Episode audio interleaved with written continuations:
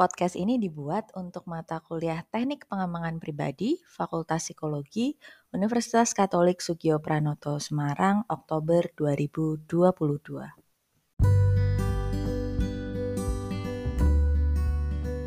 Oke, halo selamat pagi semuanya. Selamat datang di mata kuliah Teknik Pengembangan Pribadi versi podcast ya. Jadi hari ini karena kita nggak bisa ketemu langsung, uh, saya membuatkan rekaman suara untuk kalian agar kalian bisa memahami isi perkuliahan meskipun kita nggak harus ketemu langsung. Nah, ini kayaknya pertama kali ya buat kalian mendengarkan uh, podcast dari saya. Um, ada sedikit aturan main untuk mendengarkan podcast ini yaitu adalah ketika kalian mendengarkan uh, suara ini Seharusnya kalian juga sudah download materi PPT dan membukanya. Jadi, uh, podcast ini seharusnya didengarkan bersama dengan membaca materi PPT. Jika Anda belum download materi PPT, uh, eh, silahkan di stop dulu podcastnya, terus buka lagi Cyber, lalu download, dan kemudian uh, buka sambil mendengarkan gitu ya. Buka mulai dari halaman pertama. Oh iya, by the way, podcast ini juga bisa didengarkan di beberapa platform. Saya lupa apa aja, tapi salah satunya bisa dibuka pakai Spotify. Jadi uh, kalau ada yang mau dengerin lewat Spotify juga bisa. Nah, uh, sekarang kita udah masuk di slide yang pertama ya. Hari ini cuman ada tiga slide jadi nggak begitu banyak tuh uh, slide-nya. Uh, nanti akan saya jelaskan kapan kita akan pindah ke slide yang berikutnya. Nah uh, kemarin itu kan kita udah ngomongin nih soal proaktif ya. Kalian juga sudah uh, mengumpulkan tugas kalian bagaimana kalian mengubah um, hal-hal sorry kalimat-kalimat yang reaktif menjadi proaktif. Nah, sekarang saya akan mengajak kalian untuk mengaplikasikan juga uh, cara berkomunikasi yang proaktif, tapi bukan cuma di kelas, tapi di luar kelas. Gimana ya, gitu tantangan proaktif yang harus kita lakukan ini? Dan kebetulan kan ini weekend tuh, jadi saya akan beri kalian tugas untuk melakukannya. Ya, kalian punya waktu sepanjang weekend untuk melakukan tantangan proaktif ini. Tantangannya sederhana kok, tapi semoga bisa membantu kalian semua. Oke, untuk pengantar ketantangannya mari kita berpindah dulu ke slide yang kedua.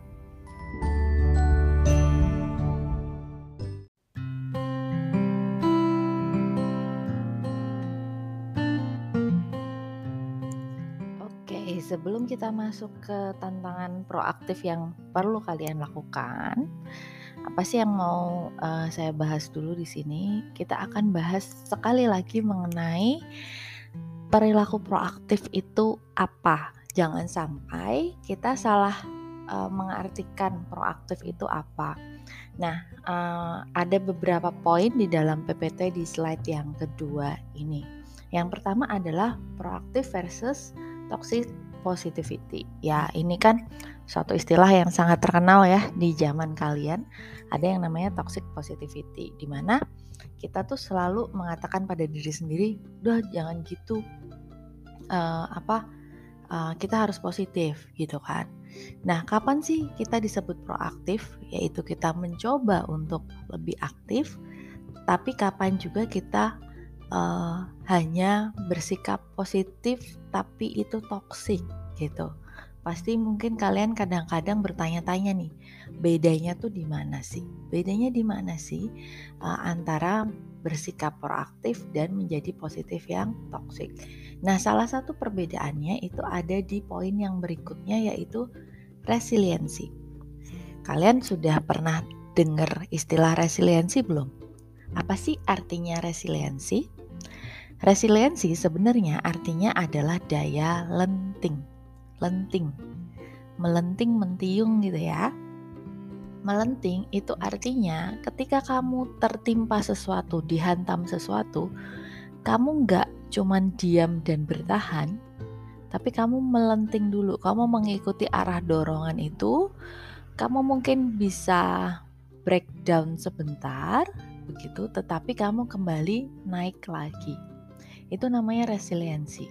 Jadi uh, seperti pohon kelapa yang tertiup angin gitu ya, dia melenting dulu sesuai arah angin, tapi dia bisa bang bangun kembali, berdiri kembali ketika angin sudah tidak datang lagi atau seperti bangunan-bangunan kalau sekarang itu kan bangunan ada yang uh, konstruksinya eh apa namanya bahannya itu dari bata merah sama bata yang putih ya.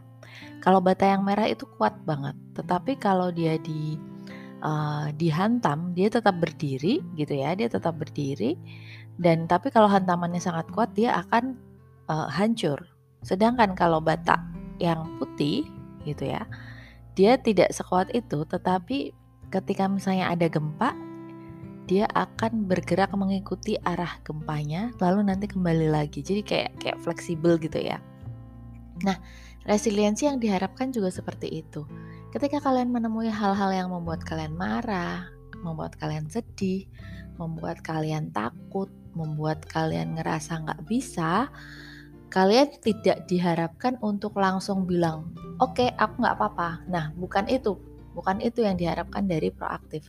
Tetapi kalian diharapkan untuk memahami dulu dan berempati ya, bersimpati sama diri sendiri gitu bahwa oke, okay, ini sesuatu yang sangat berat buat saya gitu ya. Maybe this is something I cannot handle gitu ya karena terlalu gede banget. Jadi saya nggak tahu apakah saya bisa menangani ini. Saya sangat sedih saya sangat marah saya sangat kecewa gitu. Nah emosi-emosi itu tetap perlu dirasakan dulu dan diekspresikan dengan tepat. Baru setelah kita sudah mengekspresikan dalam waktu yang cukup yang tidak terlalu lama kita bangkit lagi dan kita bisa mengatakan, "Oke, okay, aku akan coba ini, oke, okay, aku akan coba cari jalan keluarnya."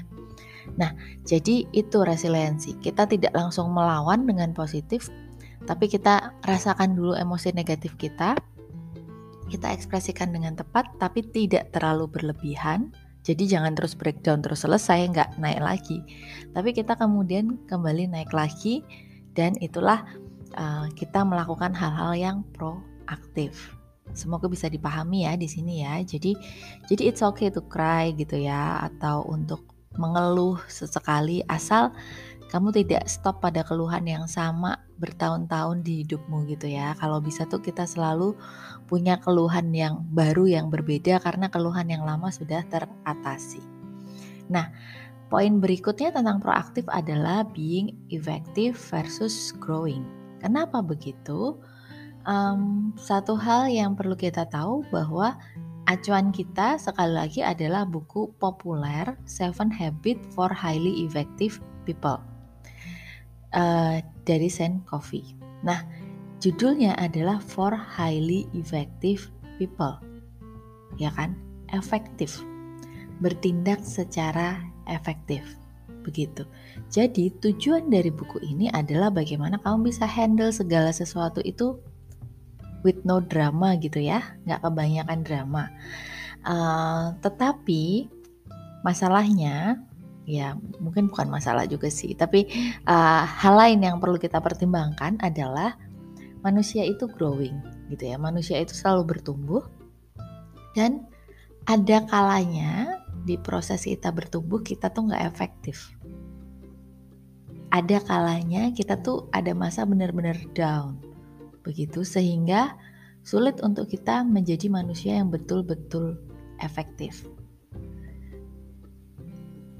Dan saya nggak tahu fase apa yang sedang kalian alami saat ini. Satu orang dan orang lain bisa berbeda. Sehingga uh, untuk kebanyakan orang menjadi proaktif itu hal yang baik. Tetapi ketika misalnya kalian sedang mengalami masa-masa yang mungkin sangat berat di hidup Anda gitu ya. Mungkin akan sulit bagi kalian untuk menjadi proaktif gitu ya. Mungkin kalian butuh adanya intervensi yang lain dulu, kalian butuh adanya bantuan yang lain dulu sebelum bisa jadi proaktif. Nah ini yang perlu kita sadari. Saya nggak tahu masing-masing dari kalian ini kehidupannya kayak apa, punya masalah apa. Tetapi memang proaktif ini bisa kita terapkan pada sebagian besar orang. Sehingga tidak ada salahnya untuk belajar meskipun kalian saat ini tidak sedang dalam fase yang optimal untuk menjadi orang yang efektif. Karena saya yakin setiap manusia itu punya fasenya gitu ya. Jadi uh, mungkin sekarang fase kalian lagi down untuk beberapa bulan ke depan mungkin, tetapi nantinya ketika kalian kembali lagi kalian kan udah dapat nih materinya soal proaktif. Jadi kalian secara kognitif udah tahu, jadi nanti tinggal dilanjutin. Jadi itu ya, being effective, eh, being effective sama growing itu beda. Ada fasenya di mana mungkin kamu benar-benar nggak bisa jadi orang yang efektif saat ini, tapi it's okay gitu ya wes nggak apa-apa. Kita lanjutin aja dulu gitu ya. Kita kita pahami aja dulu uh, kognitifnya, uh, materinya. Tapi kalau masih susah melakukan, yakin deh nanti suatu saat ketika kamu balik gitu ya, ketika kamu sudah on top lagi gitu, kamu bisa kembali menjadi proaktif. Salah satu kunci mengapa orang-orang bisa kembali, maksudnya orang-orang yang breakdown bisa kembali naik lagi itu bukan cuman karena satu dua hal, tetapi karena dia terus berusaha untuk mencari jalan keluar. Sesuatu yang konsisten dilakukan untuk mencari jalan keluar yang efektif. By the way, saya mohon maaf kalau sesekali ada suara mobil atau motor di belakang ya, karena ini kan pagi hari nih banyak orang mau berangkat kerja. Kecuali kita yang tidak harus berangkat kuliah hari ini. Oke, okay. um, kemudian uh, yang berikutnya adalah uh, we are not victims gitu ya. Kita bukan korban. Itu yang uh, yang saya ingin kalian benar-benar tanamkan ke diri kalian sendiri gitu ya. Kita bukan korban gitu. Uh, saya tahu mungkin setelah belajar psikologi anda merasa bahwa oh ternyata orang tua saya gini orang tua saya gitu orang tua saya kurang ini kurang itu. Uh, tetapi karena anda sudah besar nggak apa-apa loh waktunya untuk mengatakan bahwa kayaknya aku bisa berbuat sesuatu deh gitu ya. Jadi nggak harus uh, apa namanya nggak harus kalian tuh selalu uh, menyalahkan orang lain. Karena apa? Karena kalian bukan lagi anak kelas 5 SD gitu ya. Tapi kalian kan sudah orang besar yang bisa yang bisa uh, melakukan hal sesuai kehendak kalian sendiri. Meskipun sekarang karena masih mahasiswa mungkin masih agak terbatas dengan uh, apa namanya finansial mungkin atau kebebasan tetapi uh, apa namanya uh, nanti kalau kalau kalian sudah uh, kalau kalian sudah full menjadi orang yang dewasa kalian tahu bahwa ketika kita masih berpikir kita adalah victim, kita adalah korban dari uh, sesuatu, uh, maka kita tidak akan bisa berkembang gitu. Sehingga salah satu hal yang perlu kalian ingat untuk bisa bersikap proaktif adalah uh, kita um, menanamkan pada diri kita bahwa kita bukan lagi korban. Mungkin kita pernah jadi korban, oke. Okay. Tetapi sekarang kita bukan lagi korban atas apa yang telah terjadi di masa lalu dan kita bisa bergerak. Gitu ya. Nah, berikutnya adalah proactivity and the next habits. Ya, jadi Proaktif ini adalah salah satu modal yang perlu kalian miliki sebelum kalian um, berlanjut pada habit yang berikutnya gitu. Jadi uh, kalau kalian proaktif itu akan bisa membantu kalian ke enam habit lain di dalam uh, seven habits gitu ya. Jadi uh, ini adalah sat salah satu starting point yang sangat penting gitu jadi um, ini ya kalian perlu tanamkan bahwa oke okay, kalau aku belum bisa ini adalah PR yang perlu terus aku usahakan untuk aku bisa menjadi orang yang efektif seterusnya. Nah, berikutnya adalah push pause. Pencet pause gitu ya. Pencet stop bentar aja gitu ya. Kenapa? Karena kadang-kadang dalam hidup apalagi hidup di masa digital ini ya uh, kita tuh selalu uh, berlari gitu ya. Kita selalu uh, berada di antara kondisi ini dan kondisi itu dan uh, apa namanya kalian tuh kayak um, kayak orang yang sibuk banget gitu sibuk-sibuk sibuk banget gitu ya. Sehingga uh, kalian um, mungkin ingin jadi proaktif tetapi sulit gitu karena apa? Kalian uh, selalu ada dalam kondisi di mana kalian dihadapkan dengan berbagai macam uh, apa tugas. Terus ya tugas-tugas ya paling banyak kayaknya ya. Uh, yang kalian jadinya reaktif. Harus ada tugas kalian harus kerjain gitu. Nah uh, ketika kalian ada di kondisi-kondisi seperti ini coba push pause ya. Terus ingat kemarin ada renew yourself gitu ya cari waktu sedikit untuk bisa uh, mem, apa namanya merefleksi sedikit sebelum kalian meniatkan hati untuk menjadi orang yang proaktif. Karena memang kalau kamu merasa kamu ingin jadi proaktif terus kamu tidak memikirkan secara matang bagaimana sih caranya jadi proaktif, bagaimana sih uh, kalimat-kalimatku kemarin selama ini, kalian akan sulit untuk berubah. Jadi uh, sesi yang kemarin di mana kita mengubah mengubah kalimat reaktif dan proaktif itu kan sebenarnya sesi refleksi ya. Kalian berhenti sebentar lalu merefleksikan. Nah itu sangat-sangat kalian perlukan tuh jadi push pause for a few minutes atau for a few days gitu ya. Uh, sebelum kalian bisa menyadari saya udah proaktif atau belum sih. Gitu ya. Oke, okay, sebelum uh, saya lanjut ke yang terakhir self awareness dan yang lainnya saya juga push pause sebentar ya. saya akan jeda dulu dengan uh, apa namanya satu musik Lalu kita kembali, belum belum pindah slide, masih di slide yang ini tapi kita akan membicarakan poin terakhir.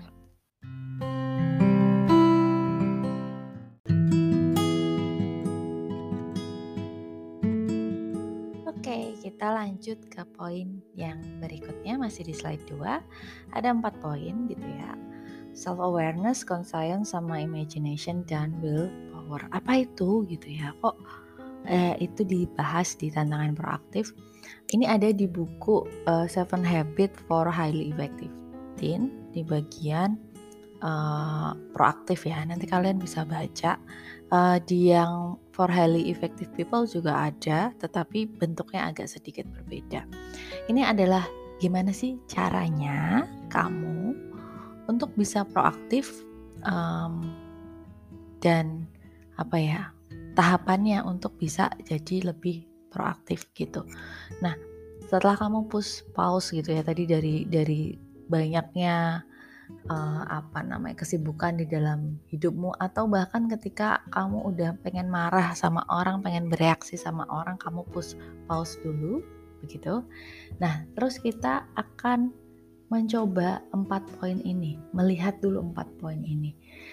Pertama adalah self awareness, yaitu menyadari diri sendiri, menyadari uh, apa yang kamu rasakan. Kadang-kadang ada kalanya tuh kita tuh langsung emosi gitu gak sih? Jadi kayak misalnya uh, kamu lagi naik kendaraan, terus ada orang yang naik kendaraan yang ngawur, terus kamu langsung uh, apa namanya? Kamu langsung mengarah ke dia buka kaca, terus kamu bilang wah lucu gitu. maksudnya mengucapkan kata-kata kasar gitu ya misalnya karena udah udah kesel banget gitu ya misalnya uh, tetapi uh, ini terjadi karena kadang-kadang kita nggak aware sama diri sendiri kita itu langsung menumpahkan uh, apa yang kita rasakan tuh ke orang lain padahal sebenarnya apa sih yang dirasakan sama diri sendiri apakah kita takut kita cemas, kita kesal, kita merasa terancam atau hal-hal yang lain yang itu adalah diri kalian sendiri. Nah, dalam self awareness kamu bisa mengobservasi dirimu terkait pikiran dan aksimu, tapi kamu bisa agak jaga jarak gitu loh. Jadi, ketika kamu ada perasaan aku mau marah nih. Nah, kamu bisa aware. Oke, okay, pikiranku dan perilakuku adalah aku sangat ingin marah kamu bisa uh, apa namanya mundur sedikit gitu ya dari dari pikiran dan perasaanmu yang ingin kamu keluarkan dan bisa menilai, bisa mengevaluasi apa yang sedang terjadi di sini. gitu ya. Jadi push pause tadi penting terus aware apa sih yang sedang aku pikirkan dan sedang aku rasakan dan uh, anggap ini sebagai suatu hal yang netral dulu gitu ya. Kemarahan, kesedihan, oh aku sedang sangat sedih gitu.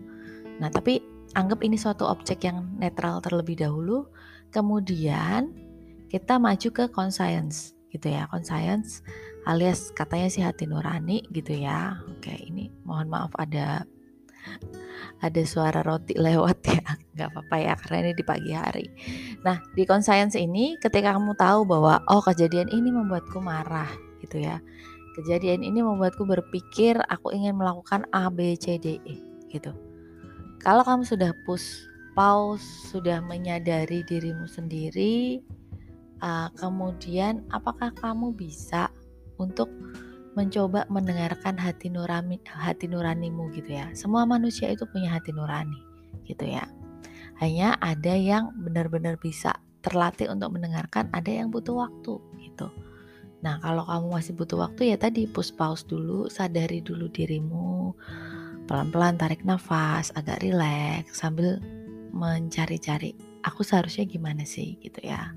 Baiknya seperti apa. Nah, kalau udah bisa berhasil mendengarkan inner voice, kita bisa tahu mana yang benar dan mana yang salah, maka kita baru mulai mengimajinasikan. Imajinasikan bagaimana sih uh, diri kita yang bisa berperilaku lebih baik. Imajinasi itu penting karena itu semacam gladi bersihnya pikiranmu gitu ya. Sebelum kamu melakukan sesuatu, kamu perlu gladi bersih dulu dan pikiranmu itu bisa membantumu untuk melakukan itu. Kamu bisa cek-cek dulu semua yang dibutuhkan, kamu bisa uh, berusaha dulu dalam pikiranmu, kemudian setelah itu baru yang terakhir adalah willpower. Mengatakan pada diri sendiri bahwa kamu punya kekuatan untuk memilih mana yang bisa kamu lakukan. Gitu. I have the power to choose gitu ya. Nah, itu willpower. Jadi tahapannya seperti itu untuk kita bisa benar-benar jadi orang yang proaktif gitu ya. Mundur dulu pause dulu rasakan dulu emosinya ini emosi apa sih? Kesel kecewa atau sebenarnya rasa kesalku ini adalah topeng atau adalah lapisan lain dari perasaan yang lain. Perasaan inferior kah uh, perasaan trauma di masa lalu atau perasaan apa. Nah, kalau sudah menyadari perasaannya, dengarkan kata hatimu dulu. Kira-kira dia bicara apa, ini benar atau buruk. Terus imajinasikan dulu gimana ya yang baik itu yang bisa aku lakukan. Aku imajinasikan dulu lalu aku berkata pada diriku yang terakhir willpower, aku punya kekuatan untuk melakukannya. Jadi itu proses yang akan membawa kalian ke uh, proaktif begitu. Oke. Okay? Berarti semoga sudah cukup bisa dipahami. Mari kita pindah ke slide yang berikutnya di slide terakhir atau slide ketiga.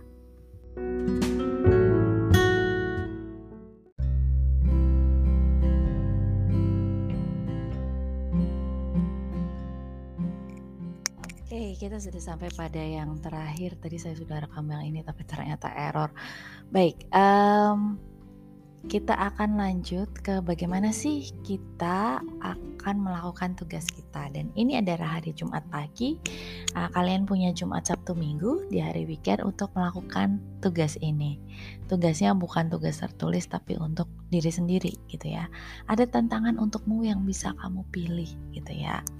Saya akan menyediakan forum discussion yang bisa kalian isi maksimal hari Senin jam berapapun itu yang penting hari Senin besok. Uh, dan Silahkan pilih satu dari tiga tantangan ini untuk melatih uh, perilaku proaktif kalian. Dan uh, praktekkan ini pada orang-orang yang penting dalam kehidupan kalian, orang-orang signifikan dalam kehidupan kalian. Bisa teman, bisa pacar, tapi mungkin akan lebih baik lagi kalau keluarga, karena kan yang akan kenal kalian sampai tua adalah keluarga ya. Bisa saudara, bisa ayah ibu atau misalnya tinggal sama tante om kakek nenek boleh sih gitu ya. Nah tantangan apa sih yang harus dilakukan? Yang pertama adalah mengucap kata maaf. Kalian bisa nggak sih uh, bilang maaf ke orang lain? Terutama nih biasanya kalau sama keluarga nih kita nggak bisa ngomong maaf.